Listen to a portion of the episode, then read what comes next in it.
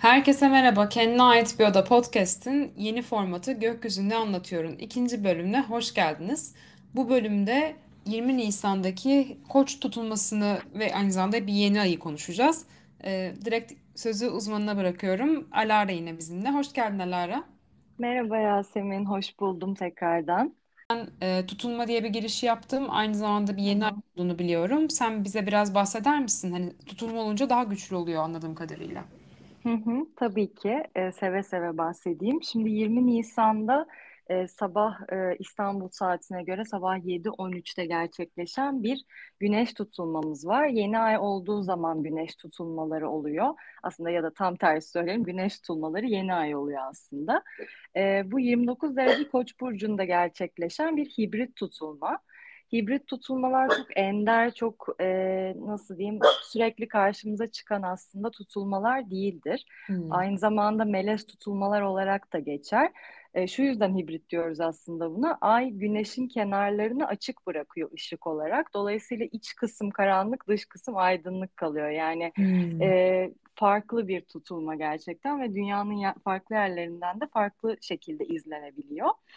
E, şimdi çok önemli, çok güçlü bir tutulma tabii ki. Çünkü e, Koç burcunda gerçekleşiyor, 29 derecede gerçekleşiyor ve biz aslında son bir buçuk yıldır Boğa ve Akrep burcundaki tutulmaları deneyimliyorduk. Dolayısıyla yeni bir dönemin başlangıcı var tabii ki karşımızda ve e, tutulma hatları da zaten aslında 12 Temmuz itibariyle Koç ve Terazi'ye geçeceği için aslında bu geçişin bir başlangıcını yaşadığımız bir dönemdeyiz. Ee, şimdi yeni ay zaten aslında bir koç enerjisidir. Yani genel olarak yeni ay dönemlerinde bu koç enerjisini biz zaten deneyimleriz. Hani hep deriz ya yeni başlangıçlar, yeni girişimler, yeni fikirler. E bir de üstünde Koç burcunda bir hibrit tutulma olunca bu bir de 29 derecede daha da güçleniyor.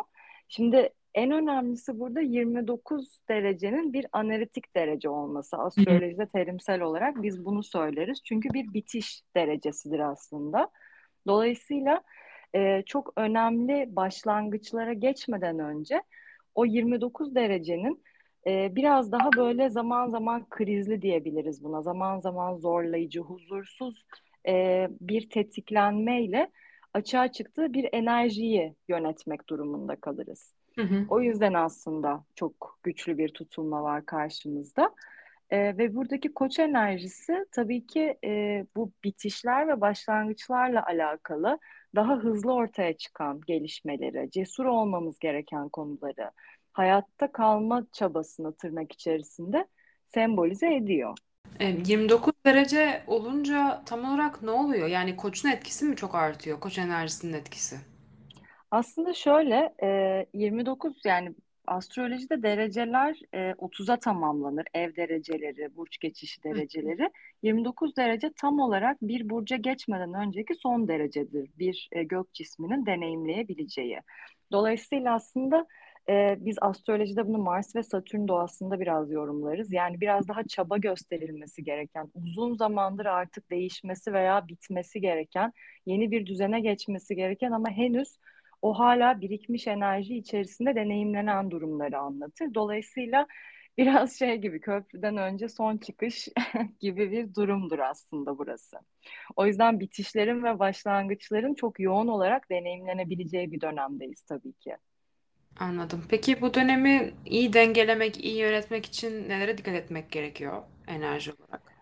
Ee, şimdi şöyle e, Aslında tabii ki Koç burcunda bir yeni ay olduğu için ve çok da uzun vadeli etki edecek bir güneş tutulması etkisi olduğu için bu tabii ki e, yenilik yani bir e, tek başına hayatta kalma mücadelesi vermek ve özellikle yani bunu biraz şöyle açabiliriz belki yeni bir enerjinin içerisine girmek için daha cesur olmak, daha fazla risk almak ve eylem odaklı düşünmek tabii ki burada çok önemli. Fakat e, bu tutulmayı doğru değerlendirebilmenin en önemli parçalarından biri de tutulmanın aslında içerisinde mesela bazı gezegenlerin tutulma haritasına yaptığı açılar. Mesela yükselenle bir Uranüs kavuşuyor. Mesela tam tutulma derecesinde bir Satürn karesi var. Şimdi bunlar bize zaten e, biraz daha zorlayıcı bir etkiyi anlatıyor. Yani bu zorlayıcı etki bizi dönüştüren, farklı stratejiler üretmemiz gerektiğini söyleyen,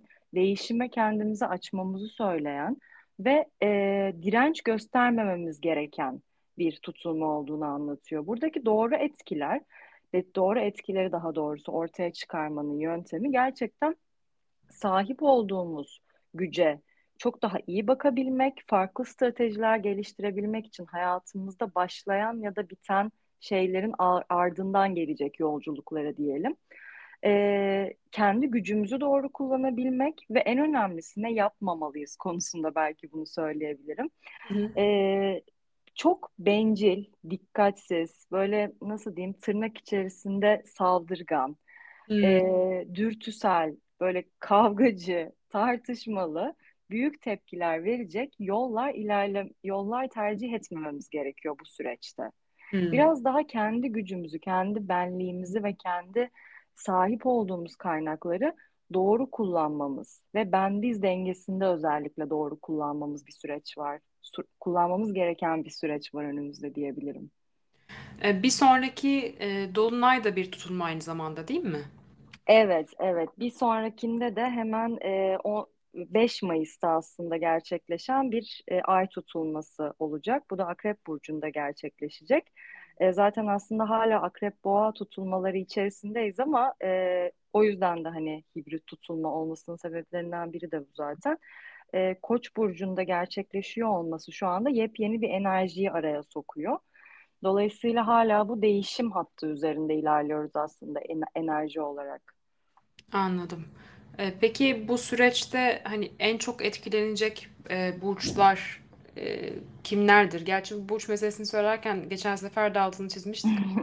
E, yükselene göre düşünmekte fayda var ama genelde haritada ağırlıkta olan enerji e, varsa aslında çok daha anlamlı oluyor değil mi? Onu da göz önünde bulundurarak sorayım ama hangi burç enerjilerini taşıyanlar için daha fa- daha dönüştürücü bir süreç bekliyor?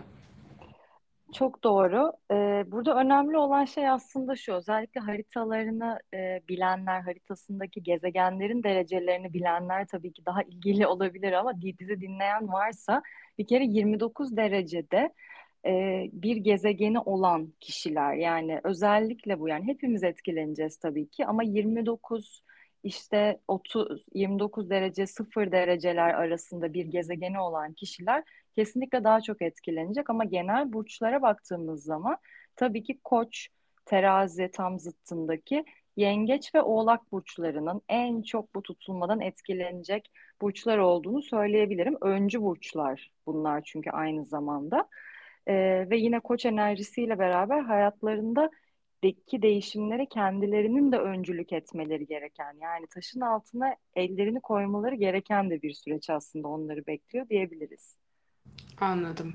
Ee, peki akrep ve boğa hattındaki tutulmalardan dolayı hani akrep ve boğaları da da e, ilgilendiriyor mu bir şekilde yani yoğun bir şekilde yoksa geçti mi o etki?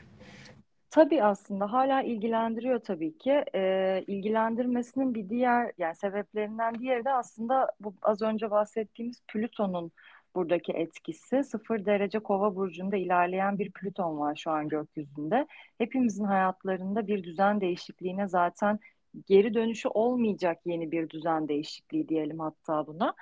Ee, hayatımızda zaten varlığını sürdüren bir enerji. Bu da yine aynı şekilde akrep e, ve boğa hattına değen bir hat. Yani dünya açısından da zaten keza benzer etkileri içeriyor. Yani sistemsel değişiklikler, gücün yer değiştirmesi, liderlerdeki değişim gibi konuları zaten gösteren bir hat burası.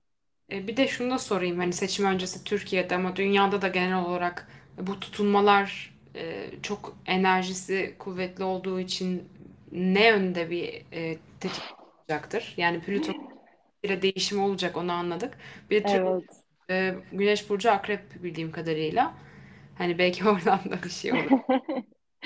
Evet evet öyle kesinlikle öyle. Yani şimdi aslında sadece Türkiye için değil ama genel olarak tüm dünya için şunu kesinlikle söyleyebiliriz Yasemin. Ee, Koç burcu enerjisi savaşla alakalı bir enerjidir. Yani hani bu biz neresinden tutarsak bu e, bir şey için mücadeleye, hak arayışına aslında giden bir şey. Kişisel hak arayışına giden bir şey ve yönetilen şeylerin hak arayışına giden bir şey. Dolayısıyla e, kendisi yani Koç'un yönetici gezegeni de Mars zaten savaş tanrısıdır. E, dünyada tabii ki savaşlara yönelik, savaş hareketlerine yönelik e, deneyimleri, eylemleri, gündemleri daha fazla görebiliriz. Ama bunu e, konuştuğumuz zaman hani insanlar çok daha böyle korkutucu bir şekilde anlayabiliyor. Bu savaş şey savaş anlamında değil yani gerçekten Allah korusun kitlesel etkileri meydana getirebilecek savaş değil ama farkındaysanız şu an hala hazırda zaten küresel ısınma gibi konulardan kaynak savaşları da var hayatımızda. Yani dolayısıyla her açıdan yani bu hak savaşı da olabilir, adalet savaşı da olabilir. Her türlü tabii ki savaş tetiklenmelerini ortaya çıkarabilecek bir hareketliliğe işaret ediyor. Yani mücadele enerjisi. Kesinlikle, kesinlikle. Anlıyorum. Çok teşekkürler Alara. Eklemek istediğin bir şey var mı? Ben teşekkür ederim. Ee, umarım yeni başlangıçlar ve yeni bitişler herkesin hayatına e, şimdi ve geri kalan senenin devamında şans, bolluk, bereket, sağlık getirsin. Dilerim, dilerim dinleyen herkese. Çok teşekkür ederiz dinlediğiniz için. Bir 15 gün sonraki Dolunay'da tekrar e, Alara ile beraber burada olacağız. Ve bize anlatacak umuyorum ki. E, olur mu Alara? Tabii ki, tabii ki her zaman buradayım. Tamamdır. O zaman bu 15 gün için kendinize iyi bakın diyelim. E, güzel bir yeni ay ve tutulma dönemi diliyorum.